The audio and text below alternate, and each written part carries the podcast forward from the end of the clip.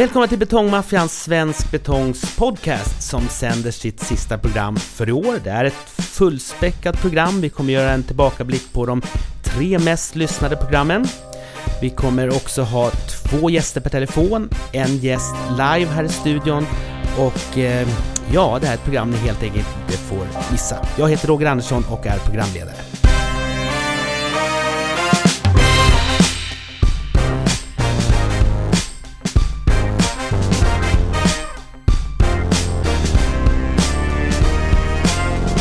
Och vi säger hej till vår ständige sidekick Malin Öfsjögård, VD på Svensk Betong. Hej Roger! Om du tittar tillbaks på det här podcaståret då, vad är det du speciellt minns då? Ja men det är ju väldigt många intressanta program som spänner över en rad olika områden, alltifrån arkitektur och vi har digitalisering, vi har säkerhet och hälsa eh, och vi har eh, det här med klimat och hållbarhet. Eh. Det ska vi komma tillbaks till lite grann. Något favoritprogram som du har? Ja, jag tänker då lyfta fram vårt eget program om klimatneutral betong och vår rapport och arbetet med det. Eh, inte att förringa de andra, men ibland måste man välja sitt eget. Absolut, vi ska ta fram det lite mer. Jag tyckte det här, eh, när vi var i Almedalen och körde Betongmaffian live, var väldigt intressant. Speciellt tycker jag det här hur vi kommunicerar Almedalen. Kommer du ihåg när vi hade Ariella Nisell som är kommunikationschef på Sveriges Arkitekter och Sandra Plavinskis kommunikationschef på Turens som gäster? Ja, nej men det var ett väldigt intressant program för det är ju eh, eh, lite speciellt med Almedalen. Eh, hur ska man nå ut och vad är syftet och eh, är det meningen att man ska nå ut eller hur, vad har man för sina mål och eh, ska man säga, målsättningar med att vara i Almedalen och vad är det man eftersträvar där. Så det var ett väldigt intressant program. Ja, för både Sveriges arkitekter och Turens hade lite olika eh, tillvägagångssätt och lite olika syften med att vara i Almedalen. Och väldigt specifika mål. Det tyckte jag var lite så kul att man skulle ha antal likes på sin, sina sociala medier och sådär och jobba emot det. Så um, har ni inget för er jul så lyssna gärna på det programmet. Precis. Om vi tittar tillbaks på året som gått också så kan vi ju säga att Betongmaffian kom tvåa i Svenska podcastpriset. Minns du det? Ja, det minns jag. Jag var inne och röstade också och det var många andra som gjorde det. Det var jättekul. Ja, vi hamnade före Snåret till exempel som väl är lite våran lokalkonkurrent här i samhällsbyggnadsbranschen. Ja, precis. Vi, vi gjorde det. Eh. Får se hur det går nästa år då. Precis. Jaha, ska vi prata om den här eh, Så blir betongen klimatneutral som programmet hette då när ni presenterade er klimatrapport? Ja, det gjorde vi. Vi har ju jobbat här inom betongbranschen med att sammanställa då hur det ser ut eh, med eh, klimatpåverkan från betong Eh, tillverkningen. Eh, det är ju alltifrån då råvarorna, cement, eh, tillverkningen framförallt men sen också hur långt har vi kommit idag? Vad jobbar vi med just nu? Och målsättningar för framtiden. Och det har ju varit väldigt spännande och intressant. Och sen så släppte vi den här rapporten här i början på hösten och sen har vi påat den då här i, podcasten. Men vi har också nu skickat ut den till väldigt många personer. Alltifrån hållbarhetschefer till politiker, till byggare, till arkitekter, ja, till alla samhällsbyggare helt enkelt. Och varit ute på mässor och eh, haft eh, möten med riksdagsledamöter och andra personer eh, och just pratat om det här. Och vi kan märka ett stort gensvar i att vi har blivit mycket tydligare på det här med klimatfakta och vad branschen faktiskt jobbar med och eftersträvar och att många får upp ögonen för att det redan idag går att både använda och bygga med klimatförbättrad betong. Mm. Det har ett väldigt tydligt mål, eller ja ett mål faktiskt i, i den här rapporten som hela branschen har ställt sig bakom. Ett miljömål, eller hur? Ja, alltså vi har ju tittat på, alltså dels är det ju den ena frågeställningen att ja, men alla branscher måste ju göra någonting när det gäller klimatpåverkan, så är det. Eh, sen har vi ju överenskommelsen mellan en rad olika länder i Parisavtalet och sen har ju Sverige också beslutat att man ska gå före och man har också tagit då målsättning till 2045. Och det här, i den här rapporten så tar vi då ett steg längre att vi pekar ut en målsättning för att matcha då eh, det arbete som pågår och de målsättningar som har satts av politiken och, och länderna världen över. Och det målet är? Ja, idag så, så säger vi att inom husbyggnad att vi ligger ungefär 20% lägre generellt. Framförallt eh, eh, beroende på den utveckling som har skett inom cementtillverkningen och cementindustrin. Eh, men sen har vi ju bland annat då Riksbyggens projekt VIVA som är ett eh, väldigt praktiskt och bra exempel som visar på att vi kan nå längre redan idag. Neråt en 30% med klimatförbättrad betong bland annat. Eh, och då har vi sagt i branschen att vi ska nå ner till 50% inom fem år och sen på lite längre sikt då 20-30 år för att matcha det här målsättningen till 2045 så ska vi ha klimatneutral betong sett ur livscykelperspektiv. Nu är det här fokus på husbyggnad men vi arbetar ju också då både cementindustrin och betongindustrin på samma sätt inom anläggningskonstruktioner och betong för infrastrukturprojekt. Det är ett väldigt tufft mål, 50% inom fem år och väldigt roligt mål och att branschen är bakom det. Ja precis, vi har ju kommit steg, eller vi, alltså branschen har kommit steg på vägen och, och nu gäller det att skruva upp det där. Och, ett, och det här är också ett sätt att dels visa en tydlighet men också att lyfta fram att det är jätteviktiga frågor och vi kan göra det. Men också för att identifiera vad klarar vi av att göra själva? Vad behöver vi hjälp med? Vilka krav behöver vi ställa på politiken, eh, samarbetspartner? vi har ju också jobbat här nu det senaste året inom det vi ja, lite löst kallar betonginitiativet tillsammans med Byggvästa och Riksbyggen eh, med flera som Stockholms stad, Trafikverket, Eh, Eh, där vi hade betongtoppmötet i somras eh, i Almedalen för att just prata om hur går vi vidare och hur, hur kommer vi eh, framåt för att kunna nå målsättningen klimatneutral betong. Så det, är ju, det här har också varit en viktig del i den biten då. Och där jobbar vi tillsammans för att se kan vi göra det här ännu snabbare till exempel. Du nämnde bostadsrättsföreningen Viva, eh, Riksbyggens eh, projekt i Göteborg där man alltså har eh, fått ner klimatpåverkan 30% jämfört med ett, ja, ett referenshus normalt. Och vi funderar lite grann, vad händer egentligen där, bostadsrättsföreningen Viva? Så jag tycker vi ringer upp Karolina Brick, miljöchef på Riksbyggen och hör vad som, vad som pågår helt enkelt. Hallå Karolina Brick! Hej hej! Välkommen tillbaks till Betongmaffan får man säga, för du har ju varit med i det här programmet tidigare. Ja, men tack så mycket. Och eh, man ser dig lite här och var alla möjliga eh, branschprogram tycker jag när du berättar om bostadsrättsföreningen Viva. Eh, har du koll på hur många gånger du har berättat om det offentligt? Åh nej, jag tappar räkningen. Det har varit ett väldigt stort intresse. Jättekul. Ja. Vad händer med bostadsrättsföreningen Viva just nu är det vi vill veta då? Just nu är det Eh, montering av stommen som pågår. Jag var nere och kikade för några veckor sedan i Göteborg och det ser jättefint ut. Det är en väldigt eh, dramatisk sluttning där vi håller på och bygger och eh, husen håller på att växa på höjden. Så det är jättespännande att se. Ja, följer ni upp det just nu, att det verkar hålla er hållbarhetsplan? Mm. Um, RISE håller på just nu och skriver slutrapport på uppföljningen. Och de har genomfört nya beräkningar för att se om vi träffade rätt med den kravspecifikationen som vi tog fram gällande klimatpåverkan. Så den kommer att eh, presenteras här i början av nästa år, så det ser vi fram emot jättemycket. Mm. Har du någon känsla över hur det går? Mm. det har jag. hur är den eh, känslan? Fått, eh, Ja, men känslan är bra. Vi har fått lite preliminära resultat och det ser ut som att vi har eh, de kraven vi ställde i upphandlingen har prickat rätt. Eh, vi hamnar ganska nära den klimatpåverkan vi beräknade på för betongen. Så det känns bra. Men det ska bli skönt också att få slutrapporten och få det på pränt. Och sen har vi fått även lite, mm, lite förslag på, på förbättringsmöjligheter på den här kravspecen för att se hur vi kan skruva den ännu bättre framöver. Så det är någonting vi ska kika på vidare. Finns det några planer på det då? Att göra något projekt där ni skruvar lite till? Ja, alltså vi kommer att titta nu på, det är inte bara den här aspekten vi utvärderar utan vi utvärderar även hur det här fungerar i, prak eh, i praktiken ute på bygget. Um, så vi kommer under våren att sammanställa alla erfarenheter vi har utav det här och se vad är det som har fungerat bra som vi ska lyfta in i våra ordinarie processer och vad är det som får fortsätta vara lite så spjutspetsteknik. Eh, Malin Löfsjögård, eh, Viva är något som är lite betongbranschens eh, flaggskepp. Hur ofta pratar du om Viva? Nej men jag eh, nämner Viva väldigt ofta just som ett exempel på att det redan idag går att, att bygga och producera klimatförbättrad betong som vi säger.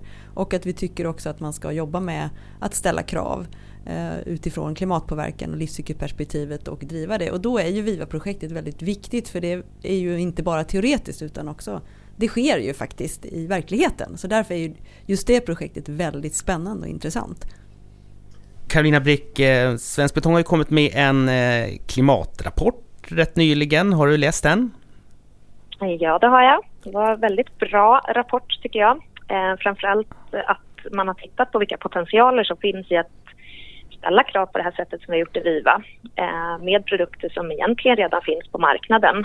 Och eh, skulle man göra det här på flera ställen eh, runt om i världen så skulle vi nå en väldigt stor eh, minskning av klimatpåverkan från eh, bostadsbyggande. Ja, för eh, 50 procent inom fem år är liksom ett branschmål, Malin Sjögård. Ja, vi säger ju idag att om man tittar på eh, husbyggnation att man ligger generellt ungefär 20 procent lägre. Och man kan dra den och lägre neråt än 30 procent som man gör då i, i projekt Viva.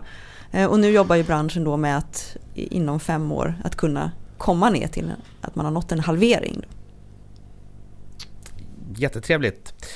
Karina Brick, vi får höras nästa år då och när vi får lite mer detaljer kring hur det går där med, med Viva. Det låter bra. Ja, du får ha en god fortsättning på det här året så hörs vi. Ja, men tack så mycket. Då är vi framme vid våran tre i topplista på de mest lyssnade programmen. Eh, jag kan ju bara nämna direkt eftersom jag förstår att ni funderar på det, vilken som är vår, vårt minst lyssnade program. Och det, det var ett litet kortprogram från Cementa-dagen som hette Cementa igår, idag, imorgon. Men eh, ja, ödmjukt måste man ju nämna det också. Men nu går vi på de tre mest lyssnade programmen i år och vi börjar bakifrån. Nummer tre. Det var programmet Färg, form och yta. Därför är betongen vacker. Och det var också från eh, Almedalen när vi sände live där. Kommer du ihåg det Malin? Jajamän, det kommer jag ihåg. Jag var ju med på alla avsnitten. Ja, och vi hade en fantastisk trio där som vi pratade arkitektur med. Det var Rahel Belachev eh, Lerdell från Belachev Arkitekter, Mårten Leringe från CF Möller, också årets betongarkitekt förra året. Och så hade vi Staffan Korp, då VD på Brunnberg och Forshed, där vi pratade bland annat om betongens färg, kommer du ihåg det? Ja, jag kommer ihåg det. Jag tycker det är så fantastiskt också att eh, eh de här arkitekterna eh, lyckats eh, få fram det eh, i talande form eller muntlig form utan att vi ser bilder. Jag tycker det är så häftigt att få höra när de berättar om betongens möjligheter och både form och färg och andra uttryck. Ja, och de var väldigt duktiga på att prata arkitektur utan bilder, det blev jag lite förvånad över. Ja, precis, det var det jag skulle säga. Jag som kan, kan ha lite så svårt ibland att förstå alla, jag är inte så arkitektonisk av mig själv då kan jag ju avslöja. Jag har svårt med att få färg och, och passa med varann och, och lite form sådär. Så det är så otroligt eh, spännande att få lyssna på dem när de pratar. Ska vi höra på ett litet smakprov från det programmet? Det tycker jag. Rahel, ska du få prova här då? Vad är det här för något? Tre meningar. Det här är också ett bostadshus klätt i kortenstål med integrerade balkonger och stora glaspartier i rostfärgad, rostbrun färg, roströd färg. Ja, vad bra. Vet du vad det är? Ja, och jag, det är Broberg Forssed och det ligger i, i, vid Midsommarkransen. Ja, bra. Då är vi framme vid plats nummer två på vår topplista.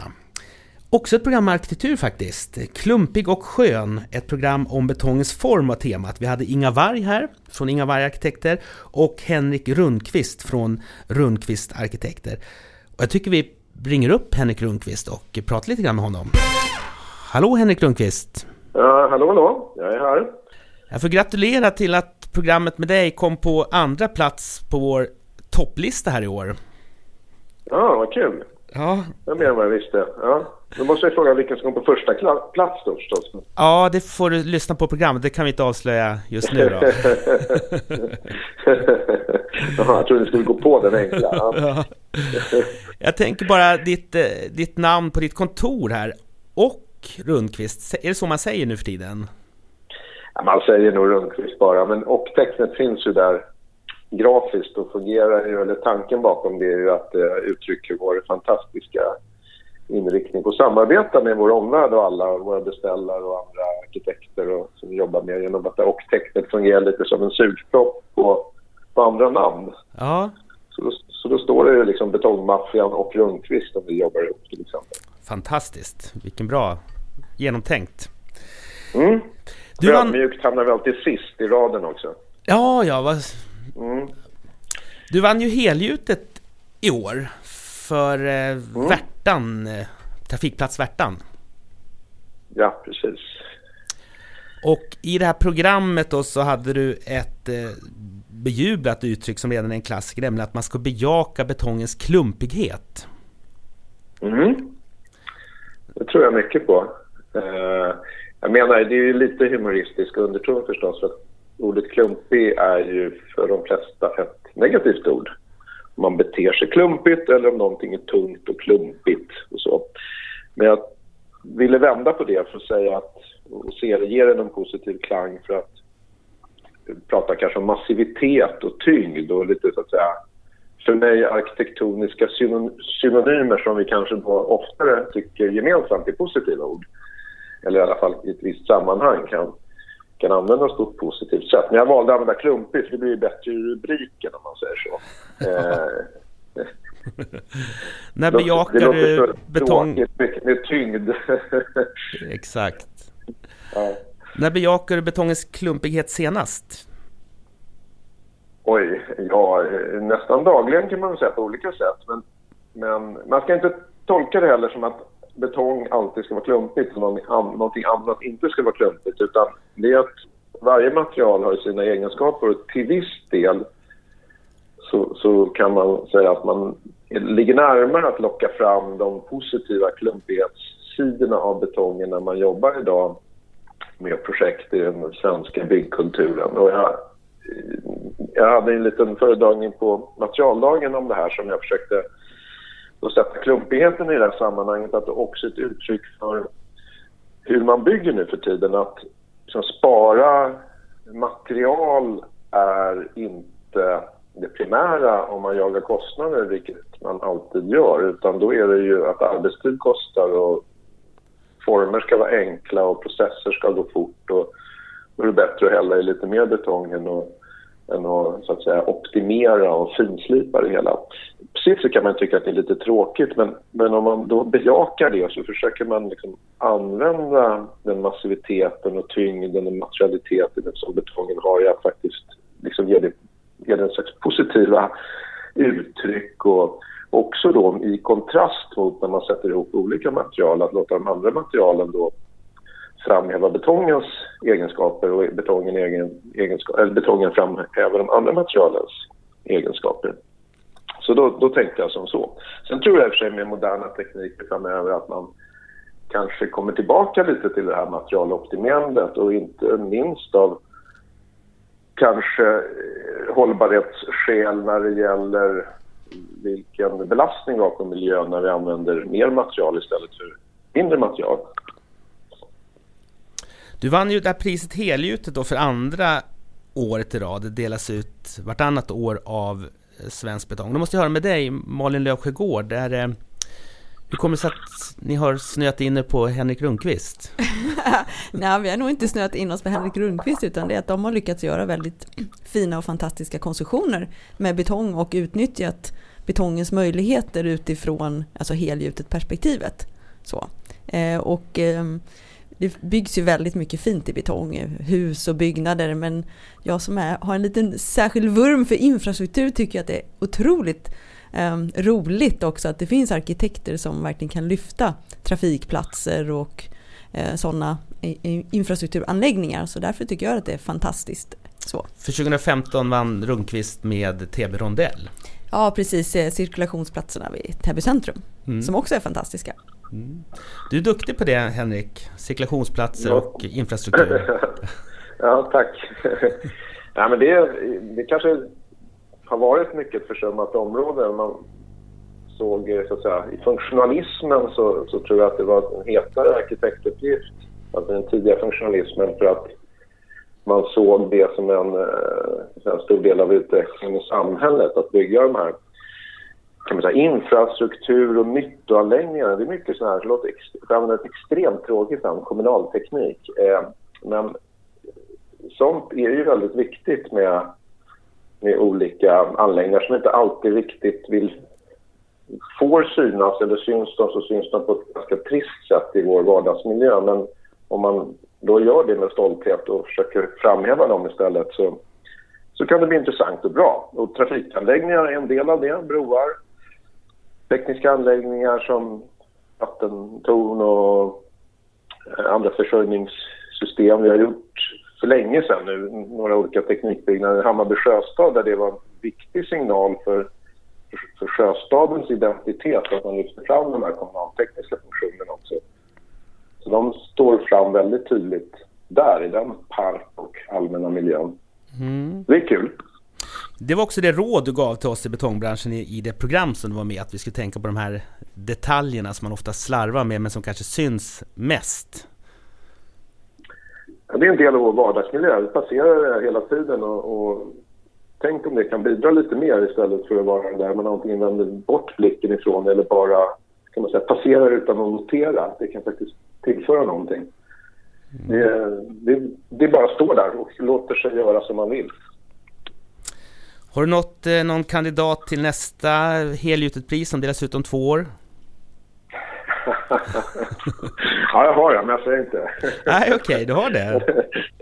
Nej, jag skojar lite. Men det blir ju, näst, det blir otroligt roligt att få vinna det här priset då, eh, i rad, så att säga, med, eh, här. Men, men det är också så att eh, det vore ju roligt om det kommer fram andra också som, som jobbar med det här och visar på platsgjutna konstruktioner med goda arkitektoniska kvaliteter. Och det finns det också. Men eh, det är ju två år dit, så vi får väl ta det lite lugnt. Och, och, och Betongföreningen får väl, får väl eh, titta på mycket under den tiden. Ja. Tack så mycket Henrik Lundqvist och ett eh, gott slut på det här året får vi säga. Tack själv. Då är vi framme vid nummer ett lite extra glad är jag att det här programmet toppar vår lyssnarlista.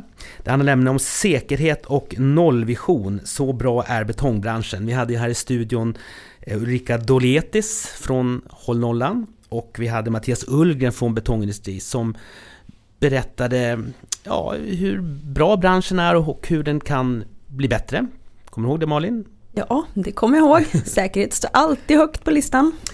Och eftersom den här ligger etta då på listan så har vi bjudit in hit till studion Ulrika Doletis från Håll Nollan. Välkommen hit Ulrika! Tack så jättemycket! Grattis till första platsen. Wow, det var en överraskning och roligt att jag, eller vi i Håll Nollan och det här poddprogrammet var med på ert viktigaste, eller det som flest lyssnade. Jätteroligt, jag är jättestolt. Ja, vad kul och det var en hel del bra saker vi sa i det programmet. Ja. Nu har du varit VD på Håll Nollan i ett år? Första mars kom jag in. Ja. Så det är ja, tre kvarts år i alla fall snart. Just det. Mm. Vad har hänt under den tiden?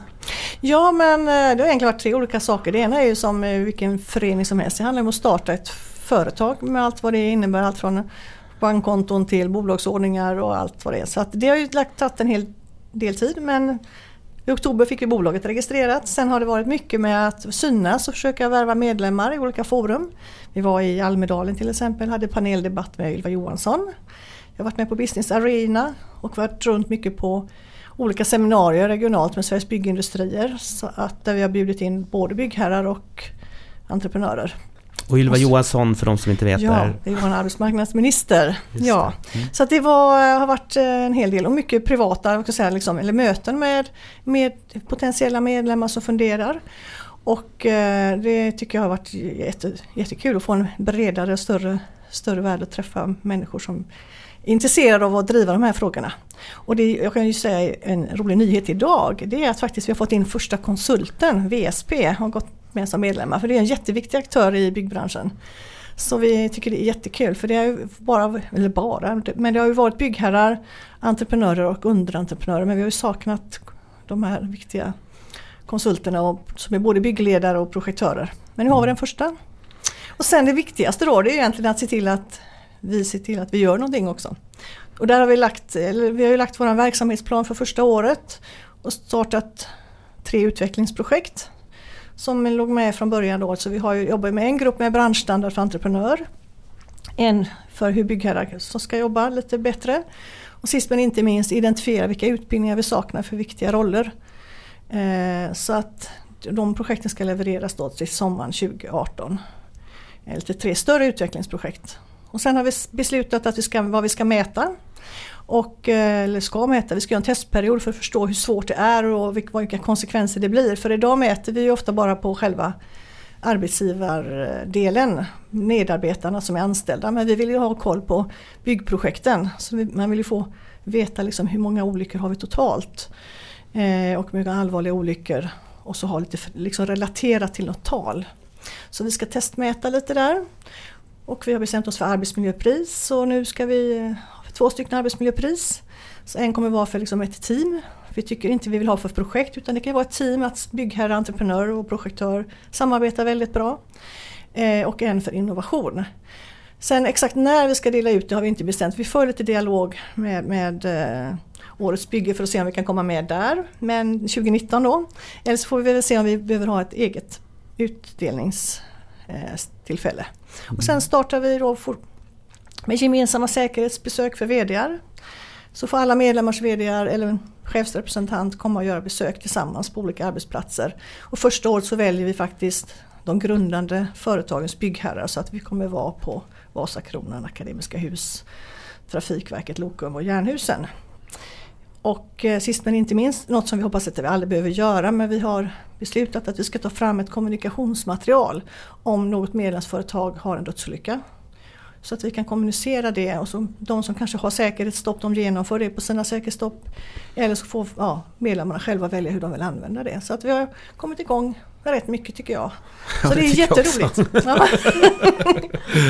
det tog ett ja. helt program bara att berätta vad du har gjort. Första, ja, jo men det är mycket som händer och det är inte jag som har gjort utan jag får säga medlemmarna som är med de är väldigt engagerade. Dels har vi haft liksom ett chefs, en chefsgrupp som har fått tycka till. Och de mm. kommer mangrant och pålästa. Vi frågar, ska vi lägga ner det nu för nu är vi ett bolag, vi har ju en styrelse. Nej, sa cheferna här, vi vill ha det här två gånger om året för vi tycker det är bra att få, få, få tycka till och vi vill läsa på själva och sådär. Så att det är ett väldigt engagemang. Och man har ju också tillsatt resurser till de här arbetsgrupperna för det är inte bara jag och den här projektledaren som jobbar utan man, man prioriterar verkligen detta. Det är ja. jätteroligt. Ja, vad kul. Jag kan ju säga att VSP är ganska glada och stolta också. De gick ut med ett pressmeddelande själva att mm. de har gått med i Håll Nollan. Mm. Ja, det är jätteroligt. Är branschen väl representerad nu känner du, samhällsspelsbranschen? Ja, vi, kan, vi saknar ju några, vi har inte så många underentreprenörer ännu. Och eh, det saknas ju fortfarande rätt många. Vi har, vi har bara fått in en byggherre till. Eh, Svenska Bostäder men det är några stycken som vi har dialog med. Och det finns fortfarande en hel, en hel del drös tycker jag, entreprenörer som vi har dialog med. Som, en del har nog beslutat sig men inte skickat in ansökan och vissa är lite tveksamma. Det är lite mm. hur man ser på sin roll. Man kanske tycker att ja, men vi klarar oss utan. Eller så tänker man att nej, men jag vill vara med och bidra för att med, med det jag har kanske jag hjälper till att lyfta branschen. Så även om man inte ser att just nu kanske jag ändå har så pass mycket själv att jag inte behöver så ja, vill ändå vissa vara med och bidra och dela med sig. Så mm. Jag hoppas att fler vill vara med och bidra för vi behövs och hjälpas åt. Ja, mm. verkligen. Svensk Betong har också ett arbetsmiljöarbete. Ja precis det har vi och där vi tittar på och vi mäter olyckor och vi håller ju också nu på att titta på just hålla nollan där mm. och se om vi ska gå in som medlemmar och de sakerna. Så att eh, hoppas jag kunna återkomma mm. med inom mm. kort då så att vi ser hur vi kan växla upp det. Så att det, Hålla nollan är ju ett väldigt bra initiativ att mm. kunna lyfta frågorna. Eh, det är ju inte en konkurrensfråga utan alla ska Nej. jobba med säkerhet och mm. hälsafrågan. Mm. Vi har ju ett nytt år framför oss mm. så vi får liksom kanske blicka framåt nu 2018. Vad är det vi ska göra då, tycker ni, för arbetsmiljön? Vad ska liksom vara det stora målet då? Ulrika Doletis på Nej, men, eh, men, men, mitt mål är ju att, att eh, se till att vi har lite verktyg för ena branschen men också eh, inom Håll Nollan, eh, vi bygger om vår webbplats ganska mycket för det finns ju mycket bra saker, kommunikationsmaterial bland företagen. Att hitta sätt att förmedla dem så inte alla behöver starta och göra sitt eget till exempel. Skapa engagemang på arbetsplatserna. Men, men sen tror jag ju på att om vi, om vi får bra kan identifiera vilka utbildningar vi saknar för vissa roller. Att man kan gå kanske från från att bara prata om lagstiftning på, på utbildning utan mer kopplat till vad, vad innebär det för min roll, vad kan jag göra och att ja, se till att vi får bra utbildningar. Men det är ju lite på längre sikt. Mm. Utbildningsfrågan. Ja. Sen vet vi att jag tror 10% utav det man lär sig är på utbildning. Resten är ju att man får hem och träna. Så man kan behöva någon att och liksom träna med när man kommer, kommer hem och också någon som efterfrågar att man faktiskt kanske gör det man har lärt sig på utbildningen. Så att därför är det viktigt med det här ledarskap och kulturen att, att det finns ett driv i företaget. Mm. Men jag tycker ändå många verkar vilja väldigt mycket och det tycker jag är en väldigt bra start i förändringsarbete. Ja, du ser mm. lite gladare ut mm. än för ett halvår sedan. Ja. Malin Sjögård, vad tycker du då? Nej, men det är ju jätteviktigt. Vi jobbar ju med arbetsmiljöfrågor och vi har ju egna utbildningar inom ramen för Svensk Betong. Bland annat betongpumpning och montage som är ju kanske de viktigaste säkerhetsmomenten mm. för, för våra medlemmar.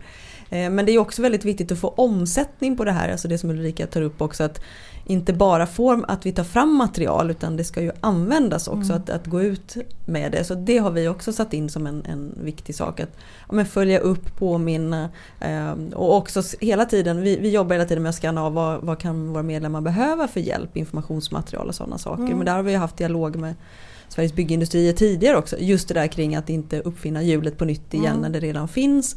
Och sen så har vi också samarbete just att se hur kan vi få till smidigare utbildningar så att vi får en hög säkerhet i hela mm. branschen. Men, men våra medlemmar behöver ju gå utbildningar hos de olika entreprenörerna. Och det, en, en hel del av det är ju gemensamma delar som man kanske kunde göra lite smidigare. Mm. Och då tror jag också man kanske får också den här medarbetaren att vara lite mer aktiv om mm. den inte behöver sitta och höra mm. samma sak hundra gånger. Då kan det, sen kan man säga att, att upprepning är bra men det får också vara... Man, kan också, man behöver lite nytt. Ja och hur man jobbar med det. Mm. Så att, eh, och det behövs ju också utvecklas för vi ser ju en hög byggtakt och det är många personer och det händer saker. Många så att man nya. Får, ja, mm. många nya hur man får in det. Så att, och hela tiden jobba med säkerhetskulturen. Då.